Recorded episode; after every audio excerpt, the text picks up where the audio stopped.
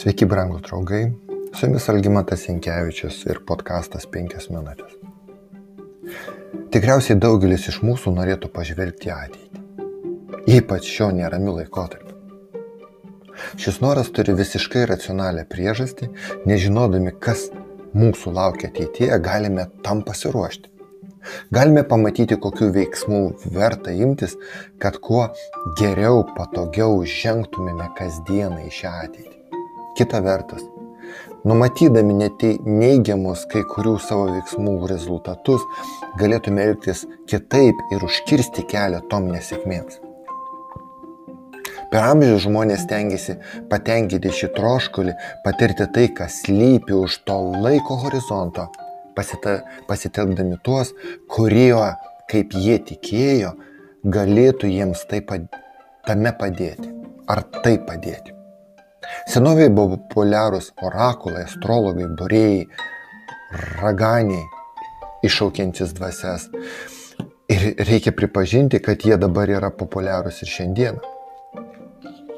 Tačiau Dievas griežtai uždraudė savo žmonėms bendrauti su tokiais tipo asmenimis. Bet argi Dievas nenori, kad jų žmonės žinotų ateitį? O gal priešingai? Gal jis nenori, kad mes būtume apgauti? Per 40 Izraelio klajonių dykumoje metų tarp jų buvo didysis Dievo pranašas arba didis Dievo pranašas Mozė, su kurio Dievas kalbėjo akis į akį. Jis buvo Dievo pasiuntinys, pertikė žmonėms Dievo valią, atvėrė ateitį, davė nurodymus dėl įstatymų. Žmonės neturėjo problemų dėl dieviško prieškimo. Jie turėjo problemų kitur būtent dėl savo netikėjimo šiais apreiškimais. Numatydamas savo gyvenimo pabaigą, Mozė nurodė šiems žmonėms.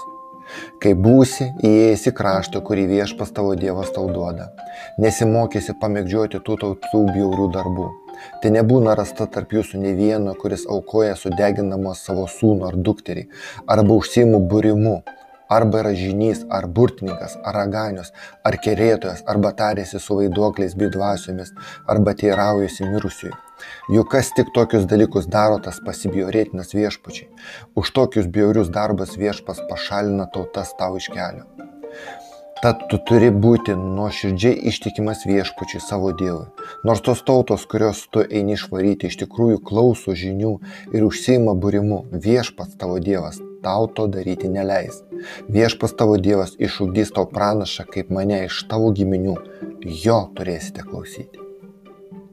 Matome, Mozė rodo du variantus žvelgiant į Dievo ateitį. Į ateitį atsiprašau.